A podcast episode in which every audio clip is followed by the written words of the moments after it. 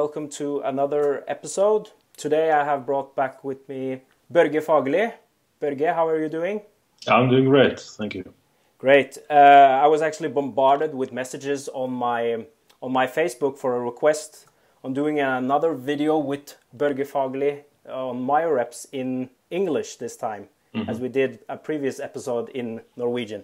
So, uh, Børge, before we start, could you give us a short background about yourself? A short background? A short background. okay. Um, well, let's start with how you got interested in in um, exercise and when you began training.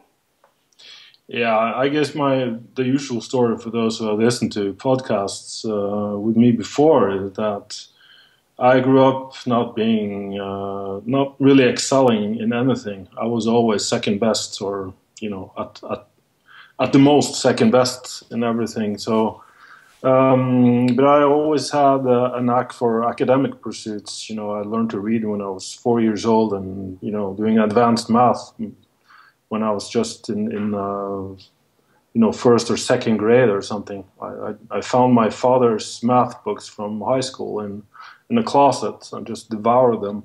So that that's kind of where where my um, abilities came to shine. So um, I guess I started, uh, you know, the usual way, just uh, watching Arnold Schwarzenegger movies, and uh, I just one day saw this uh, this cover of Flex Flex magazine, and, and I was just amazed at uh, the muscularity and, and the size of these guys. And, you know, I just, you know, wanted to kind of look like that or, you know, become strong and big. So um, I started out uh, actually training, serious growth training, Bulgarian burst training for those who have heard of that with uh, Leo Costa um, many, many years ago. And it was actually a high frequency and pretty high volume too uh, program, and uh, that's actually when I made my best gains. And um,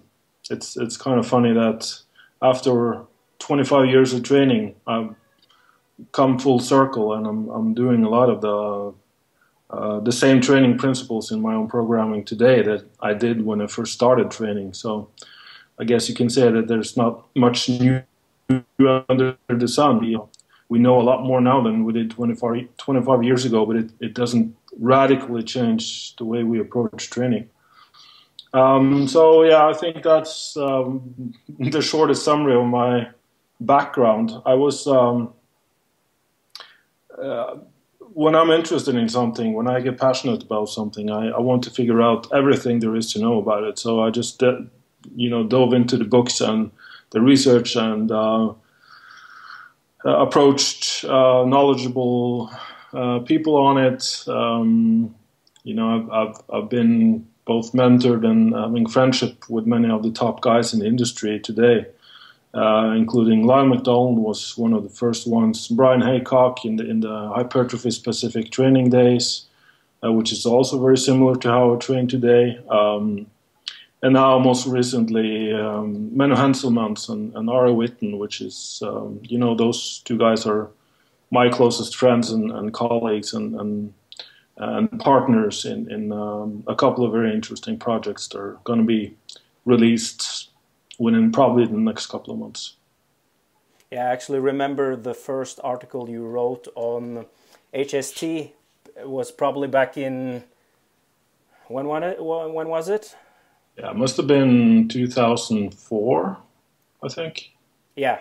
Yeah, yeah so something like that. All 12 years ago. Yeah, that's mm. what. Uh, that's when I started uh, spamming your mailbox with uh, with with questions. Yeah, yeah. yeah. So um, it's um, it it's great that after so many years that we're sitting here and having a discussion on MyoReps, and we'll also talk a bit about high frequency training at the end of the at the end of the interview. Yeah.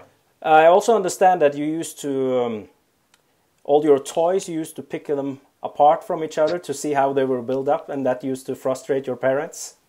Yeah, that's true. That's just one of my things. You know, I need to figure out how something works, and if I can put it back together and make it work better, you know. And that didn't always um, go well, but you know, um, especially advanced electronic toys, uh, when you pick those apart and try to put them back together, they don't always work at all. So, Yeah. I guess that's kind of what I've been doing with my own body. Sometimes it doesn't work at all, but you know, when it comes to other people, I, I tend to have a high success rate with uh, you know making people progress faster than they ever did before, and just basically um, um, yeah finding their optimal way of eating and training. So Yeah. I understand you also competed yourself in bodybuilding.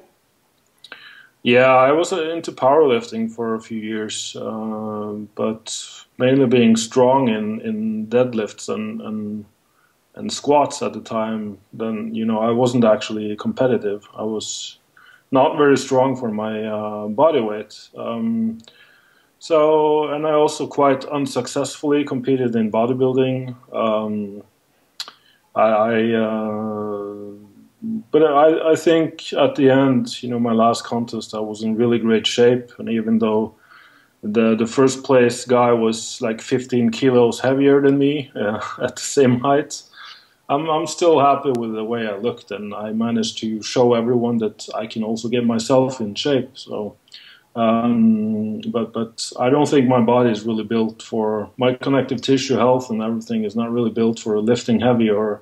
Um, gets to a certain point and, and uh, you know I'm, I'm just I just tend to burn out.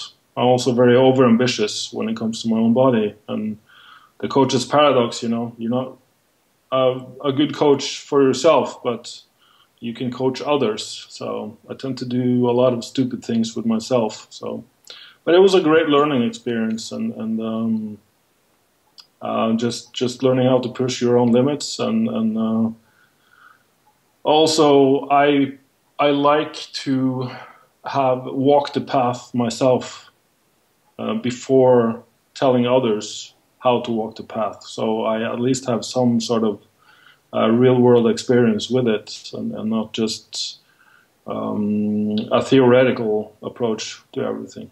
Yeah. That sounds like good advice. Mm. Okay, let's uh, let's dive into the questions, and we're going to talk about uh, MyoReps today. Could you first uh, start explaining how you came up with MyoReps and what's the concept behind it?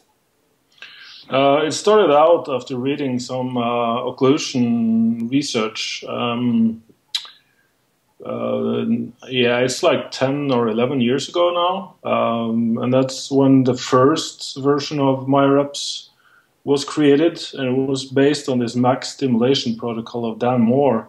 And I had a long, you know, email dialogue uh, back and forth with him where we uh, included both Mathias Wernbom, uh, who is the, uh, one of the top researchers uh, within that area, um, and also the, the author of one of the largest meta reviews on uh, strength training.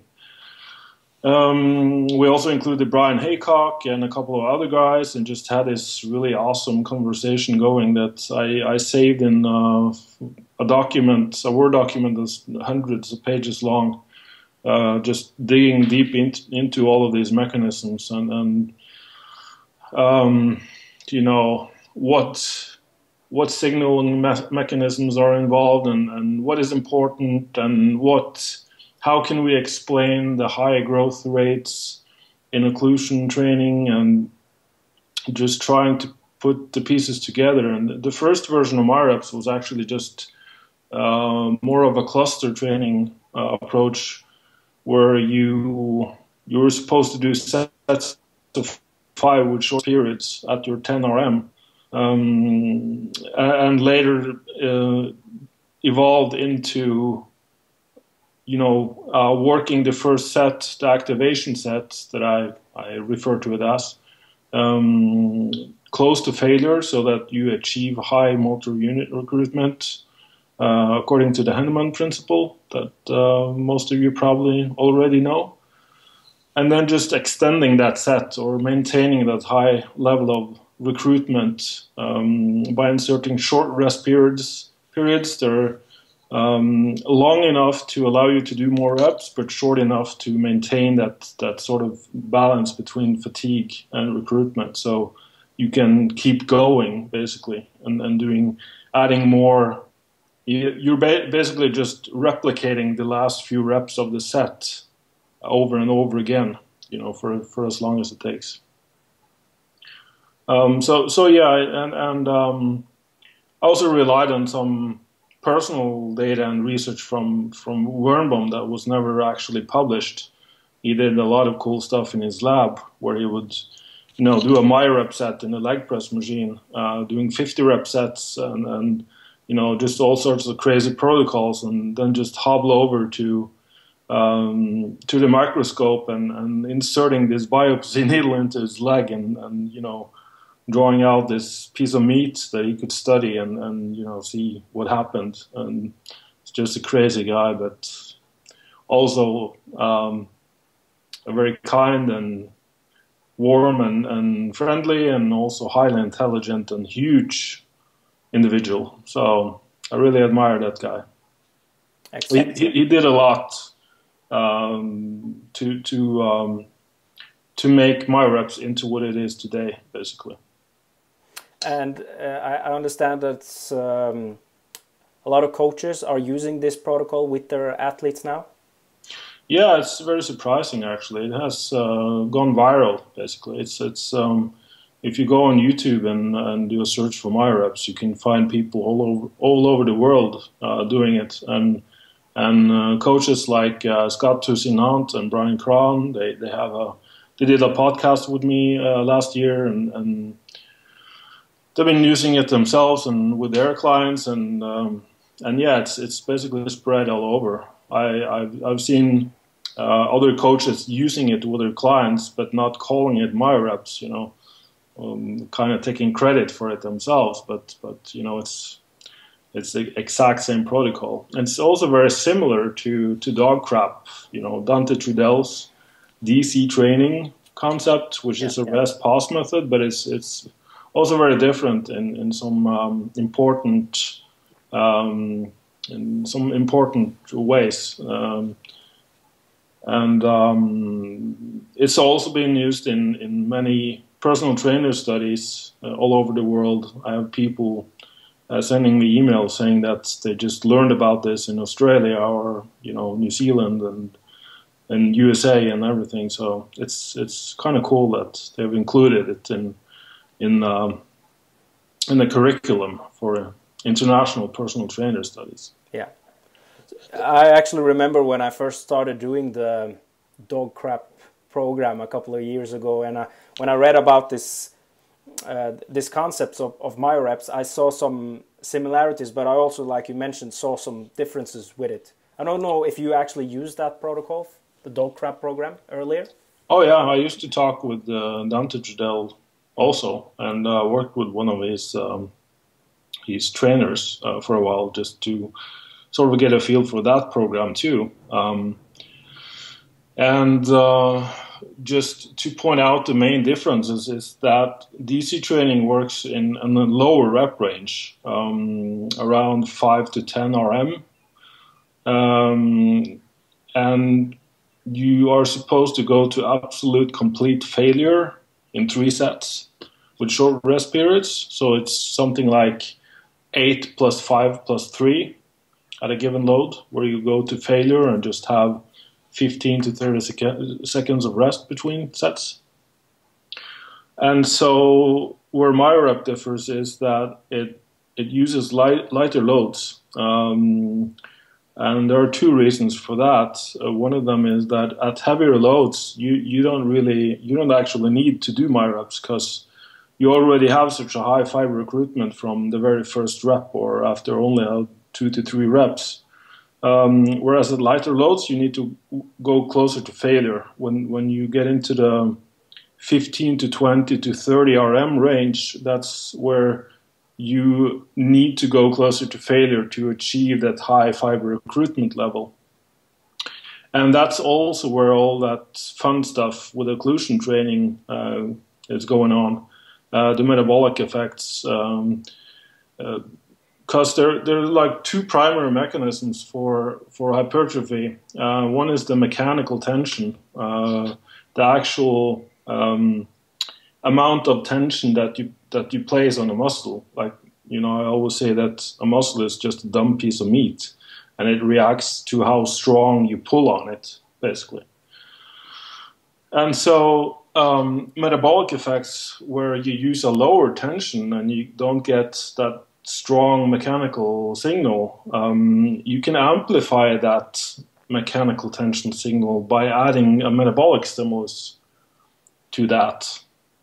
And that seems to be why occlusion training works. Um, occlusion training, you know, to, to uh, give a short explanation of that, is when you put a, something uh, similar to a blood uh, pressure uh, cuff around your leg or your arm and pump it up to a pressure that partially occludes the blood flow to that limb. And then you can see robust muscle growth walking on the treadmill. And what happens is that um, occluding the blood flow and restricting oxygen to the working muscle will um, enhance the muscle recruitment at a given load, or it will it will speed it up. Uh, so whereas you would normally be able to do, say, 50 reps with a given load, uh, let's say a leg extension, when you add occlusion to that, you can only do 30 reps. And you see these spikes of, um, of muscle recruitment uh, with an EMG. And um, that metabolic stimulus seems to amplify or, or complement or even work in a synergistic fashion to, to the mechanical stimulus. And, and we have seen some very impressive growth rates with occlusion training. Um, it also seems to increase the uh, satellite cell activity. Um, a brief explanation of that is that when you have a muscle cell, muscle cell you have a um, given amount of myonuclei which is the command center of the cell. And uh, to increase or expand the size of that muscle fiber, you need more command centers. And the process to get more command centers into the cell is by activating the satellite cells, which are dormant stem cells adjacent to the muscle fiber. And when they're activated, they uh, fuse together with the muscle cell and donate their myonuclei to the muscle fiber and thus allows it to grow larger, expand. And in, in uh, beginners, this is a process that are, uh, you know, it's, it's part of the initial hypertrophy adaptations. Um, whereas when you get more advanced, this satellite cell process stops, you know, it stagnates.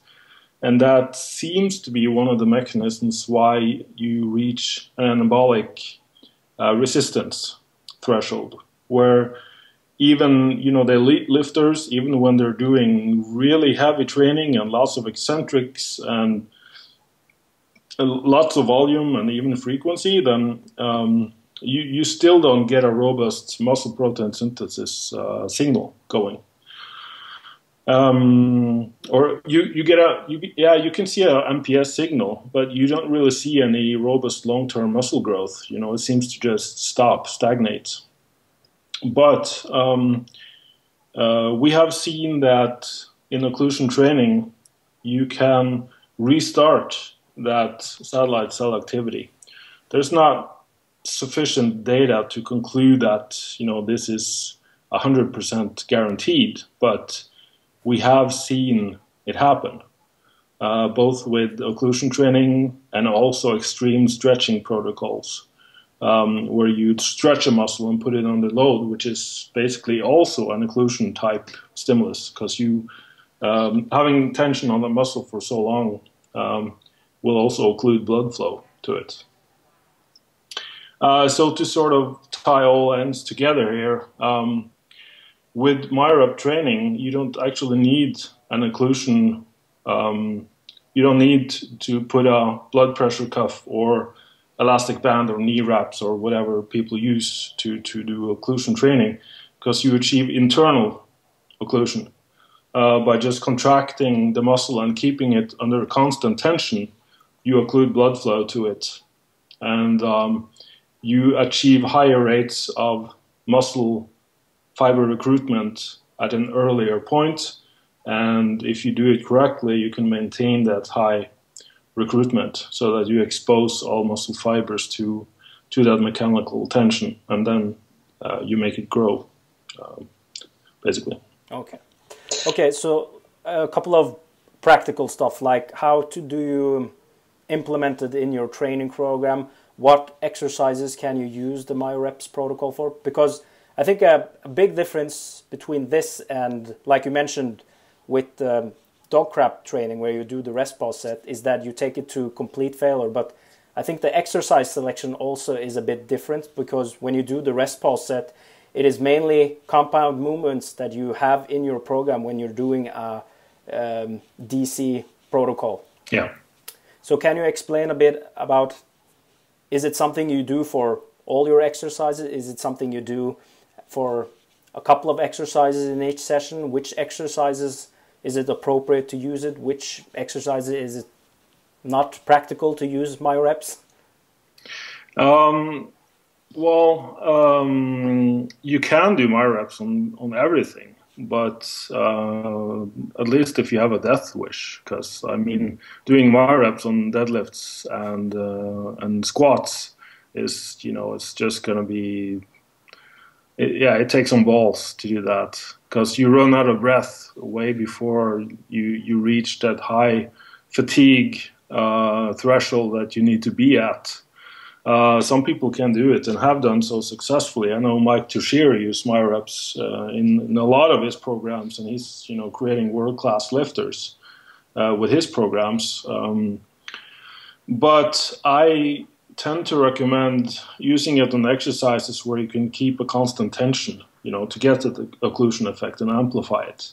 And um, then we're kind of looking more in the direction of isolation exercises and not so much compound exercises. And there's also that safety factor because since you're at the failure point and you you you try to stay there and suddenly that that fatigue threshold just just hits you like a brick um, in, in in the face. So you um, being in the squat rack and doing that is, is not going to be a good idea because you just suddenly stop. You know, you can't move. You, you can't contract that muscle anymore.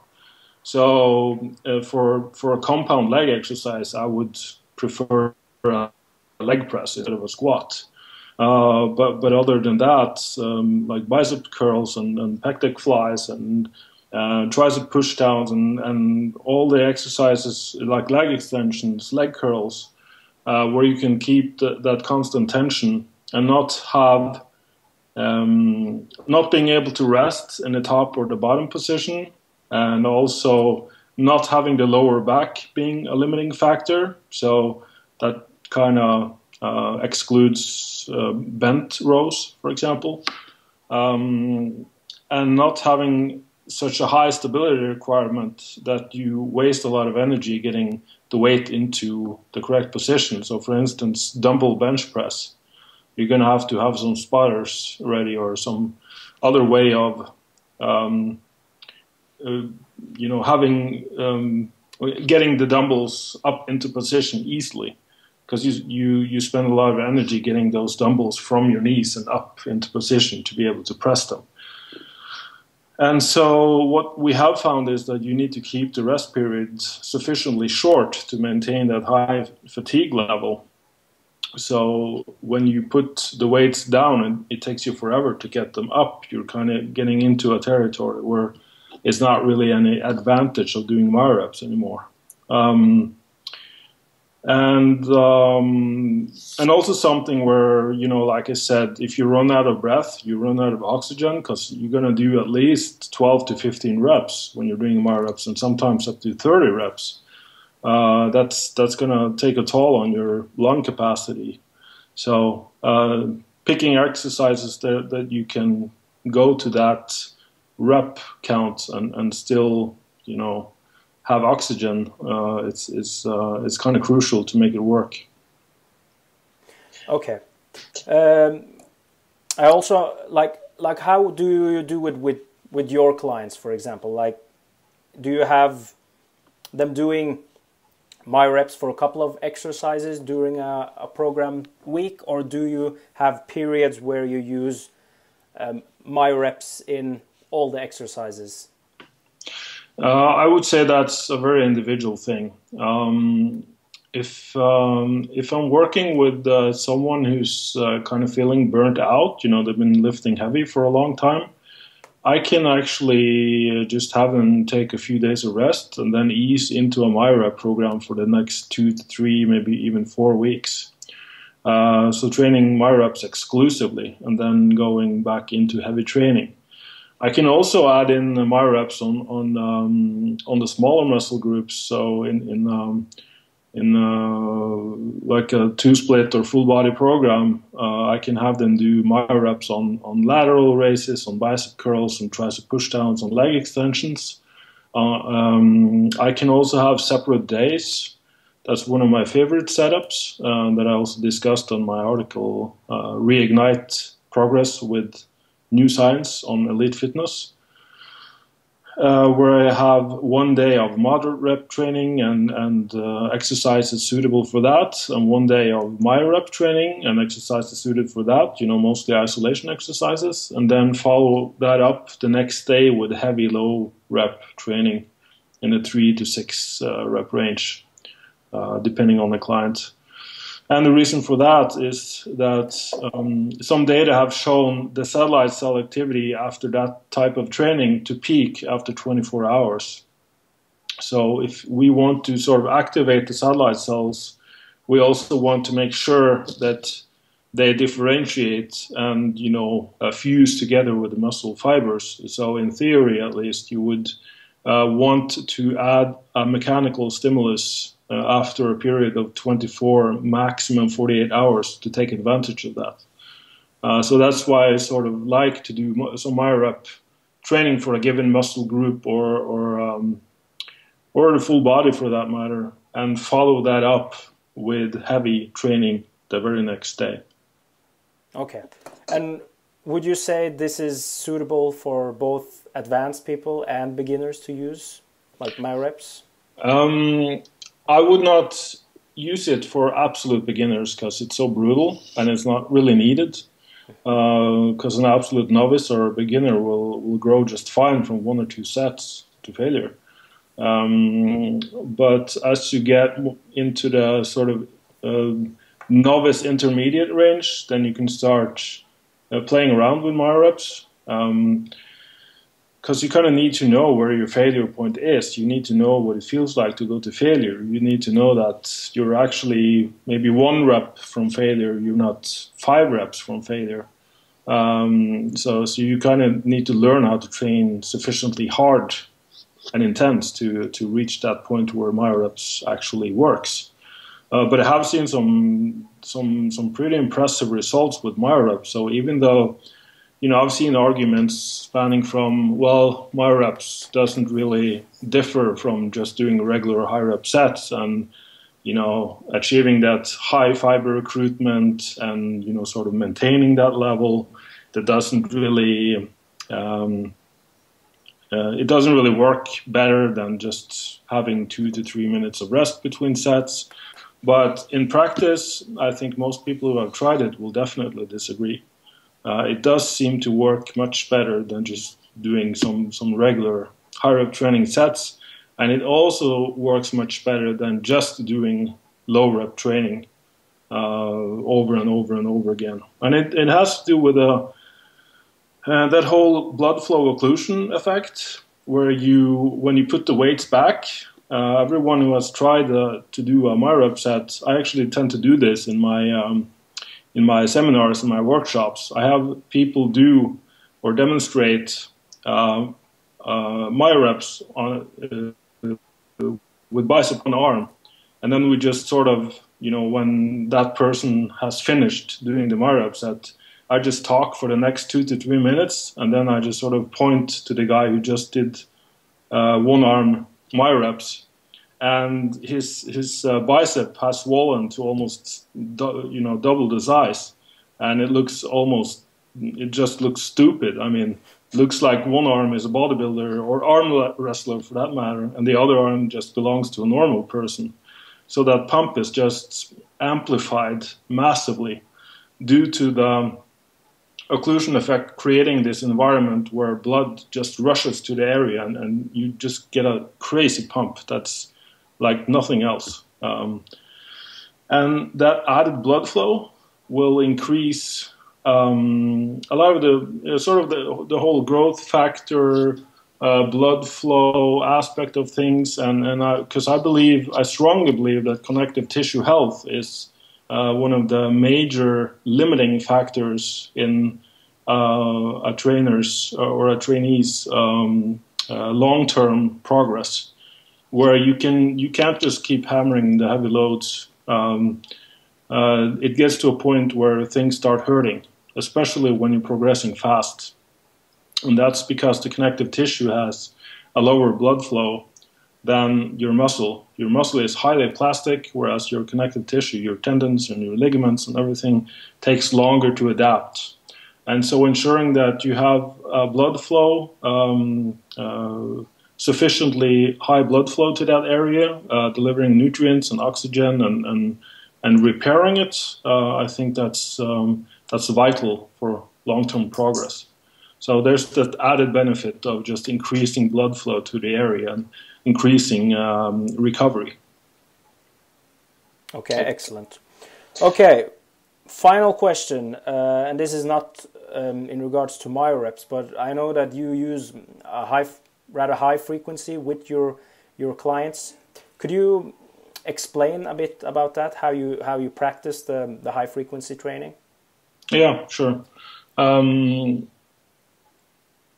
I I, I um, adjust this according to uh, to the level of the, the, the, person I'm working with. I adjust both loads and also the frequency. And I know you're going to have Alexander Kirketeig uh, on to uh, talk about the frequency project, and and so I'm not going to go too deep into that discussion, but looking at the whole area of, um, of muscle protein synthesis and anabolic window and all that stuff, where you see uh, the MPS response post workout is um, at the same level, whether you're a beginner or an advanced. But as you get more advanced, that anabolic window or the growth period of the muscle tends to shorten. Um, so the total area under the curve or the total muscle growth from each uh, individual workout just shortens and, and, goes from approximately you know two to three days for a beginner uh, to just 24 hours and even down to six to eight, maybe even four hours in, in some uh, some research has indicated. And so that alone points to the, the the validity of, of uh, increasing your frequency, you know, imposing a stimulus more often. And um, because some people may, might argue, well, you can just do more sets, you know, do more volume or lift heavier loads. Well, there's sort of a practical limitation to how heavy you can lift and how much volume you can do. And there are studies looking at pretty extreme protocols doing 8 to 12 sets. And and six sets of um, high load eccentrics and, and just everything in between. And it doesn't prolong that anabolic window at all. You see it returning to baseline after six to eight hours, even with ex these extreme protocols. But what you see going on is a lot of connective tissue damage and repair. You know, that soreness, that's, that's um, even though we don't know exactly what's causing all of it, it can just be an, an um, a stimulus that you're not used to, but um, it does seem to be a connective tissue inflammation response. And hence why I was um, referring to that earlier when I said that for long term progress, you also need to take into account the inflammatory response created from training and how it affects your connective tissue. So if you can't train, then you basically can't impose another stimulus to that muscle and so everything, and, and then as uh, Kirketeig is going to explain because um, they were looking at strength, but they also show that hypertrophy was um, was much better in the group training six days per week compared to three days per week. There are a lot of caveats with that study, as I'm sure he's going to go into. And I know tradition dictates that some people are still doing two splits and training, uh, even at the advanced level, they're still just training their muscle, um, each muscle group once or twice per week with great success. But I have seen dramatic improvements in growth rate from using higher frequency training in intermediates and advanced. And, and so it, it kind of goes from a scale of in beginners is, is not needed. Um, the only reason to, to use high frequency training in beginners is to for the skill aspect. You know, you get to practice lifts uh, more often. But um, high frequency training as it pertains to muscle growth is not really needed until you get into the advanced level. But like we talked about the other day, you know, if you tell people that, you know, this only applies to the 5 or 10% of you that are advanced enough to even be able to uh, uh, grow from my frequency, then everyone thinks they belong to that 5 or 10%. So it's it's kind of hard because as soon as you start talking about it and it sounds really great and productive, then everyone is doing it. And until you are ready for it and you can actually get results from it, and you have the connective tissue health and you have the stress management and the nutrition, and you have everything in order to actually be able to, to tolerate and to grow from it, then you know I, I wouldn't recommend it at all. So it's it's very context dependent. And also, uh, some people will do maybe, let's say, eight eight sets twice a week uh, for legs, or even ten sets twice a week, and then they think, well, I'm gonna add one or two extra training days because this high frequency training sounds so awesome, or they're even gonna do daily squats. You know, uh, plenty of people have tried that and written articles about it and books. Um, and then you think, well, since I'm doing eight sets twice a week, I can do eight sets four times a week. Well, you can't because you just double the volume, the weekly volume.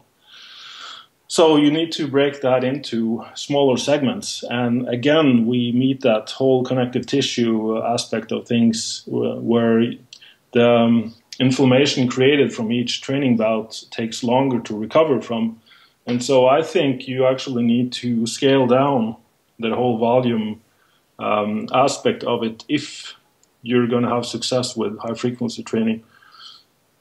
And you're also going to need to vary your rep ranges and your exercise selection to to um, avoid overuse injuries.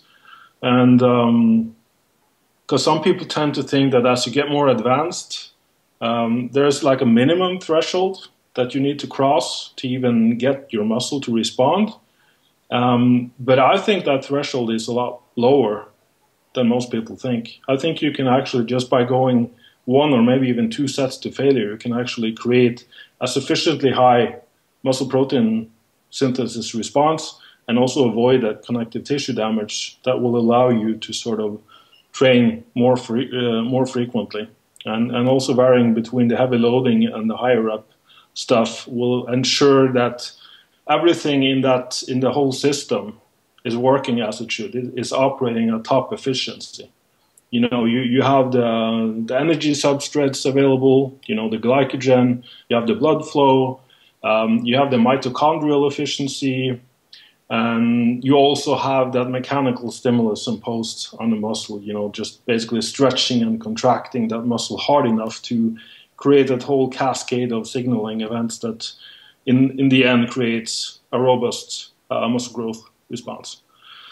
Uh, and so there's, you know, I have an online course running now, um, and I it, it, takes me like four weeks to just cover this material to, to have the knowledge base required to uh, to evaluate and to set up a proper high frequency program. And even the Norwegian powerlifters, you know, the, the reason they can make high frequency training work is that they're working at a lower average intensity. Uh, they they they are working at, you know, their working sets are in the 70 to 80 percent range of 1RM, and, and they're doing sets of three to four reps at that load. and adding volume with sub-max loading. And so they're not imposing such a high demand on the recovery reserves uh, and, and also working into it gradually. You know, they just they don't just jump straight into high frequency training. They sort of build up to that. So I would say for anyone interested in trying high frequency training, you should uh, have a daily undulating periodization approach to it, where you vary your rep ranges, and you should start at the minimum effective um, volume. Um, and I think just try one or two sets before you decide to even move up. Um, because what do you do if you do six sets per day and that stops working? You know, you stagnate. Even if you can recover from it, do you then start to do seven sets or eight sets? I mean, where do you go from there? So I think it's a good idea to just focus on long-term growth. I have seen this in, in my own um, in my own uh, clients. Um, first, you have sort of an optimal volume, weekly volume, and you split that up into daily workouts. And so you see incredible growth rates the first four, six, even eight weeks. And then people start to sort of slow down, and also these minor aches and pains and even injuries start to crop up. Um, and so they, some of them are just, you know, banging the head against the wall for the next six to eight weeks, and, and in my opinion, just spinning their wheels. Uh, it's like trying to drive a car with a handbrake on. Um, and, and I've done that. It just smells really bad. And so I think just starting with a lower volume and not being overly ambitious in, in chasing that volume and, and going crazy with uh, the intensity and everything and, and going hard into failure and all that stuff. I mean, it requires perfect recovery if you're gonna recover from that. If you're gonna um, actually have a productive, if you're if you're gonna get some growth from that at all. And, and some people even tend to undereat because they're too concerned about their six pack and so start at maybe two, maybe three sets if you're really ambitious and think that you can recover from that and see what happens. And, and so have a longer term perspective on it because if you can keep keep getting stronger and, and growing for the next six to eight months instead of the next six to eight weeks, um, that's going to be a lot more healthy for both uh, your your mind and your physiology. Um, so, so yeah, that's that's kind of what I'm thinking. In that okay. yeah. Excellent, excellent, Børge. Um, actually, I'm I don't have any more questions. So thank you so much for uh, coming back and doing another interview. This time in, in um, English. Yeah, I'm just gonna add a little comment. Yeah. Um, as it pertains, because a lot, I get a lot of questions on this, and I have published a Norwegian ebook on MyoReps, which explains this. And so, for all the English speaking uh, audience, until I get that ebook translated, um, my prescription has been simplified a lot uh, for MyoReps. Uh, now I just um, I tend to test people their one rep max in an exercise or three or five rep max because it can be uncomfortable to test your bicep curl in, uh, for a one rep max. I think most people can tolerate that, but still, uh, I tend to test people in the three to five rep max range and estimate the one rep max from that. And I prescribe the intensity for MyoReps according to that. So I will prescribe a range of 30 to 50% of one rep max as the starting load for MyoReps. So uh, if you're more advanced, you should probably do 50%.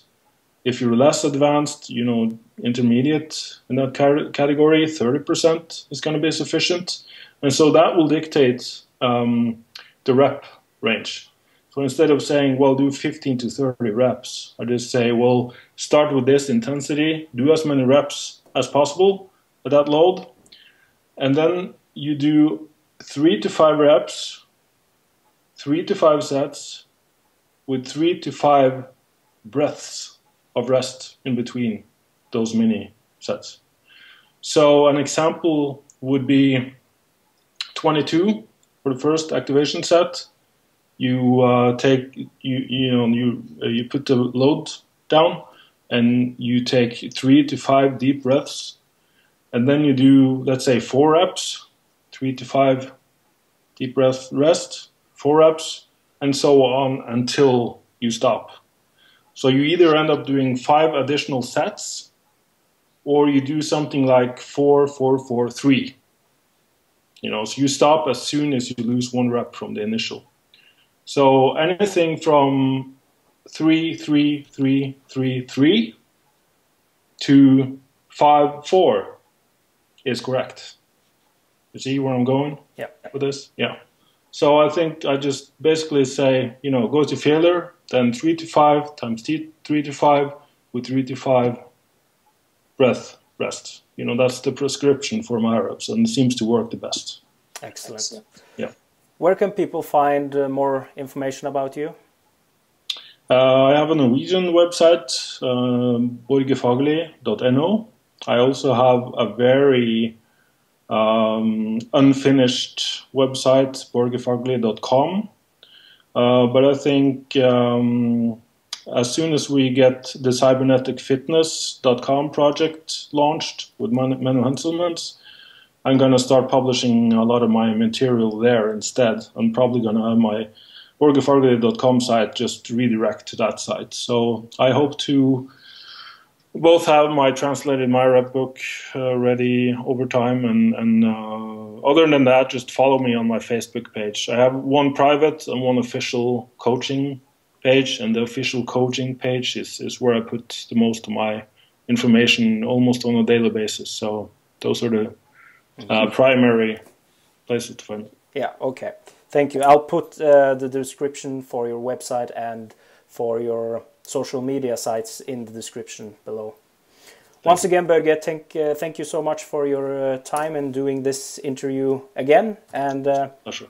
have a nice day. Thank you. You too. Thank you.